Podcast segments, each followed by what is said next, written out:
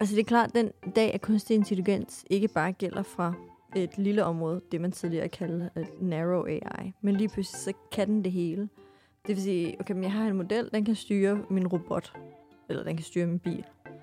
Og så har jeg en model, der kan forstå, hvad jeg siger til den, så jeg kan bare tale til den. Så kan den i øvrigt også forstå og debattere tilbage med mig. Så kan den også forstå det at vinde i et game, så hvornår får den noget ud af det ene eller det andet.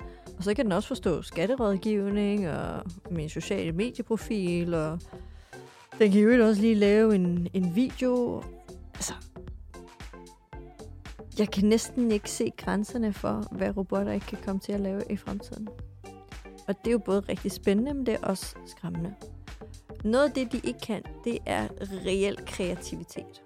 Altså, de kan lave det, jeg prompter eller beder dem om. Men de kan, at selvom de kan udtænke et nyt billede eller variationer af det, så er det jo stadigvæk fra en prompt. Men de tager jo ikke selv action på at, at gøre noget. Jo, der er AutoGPT, den, den gør lidt.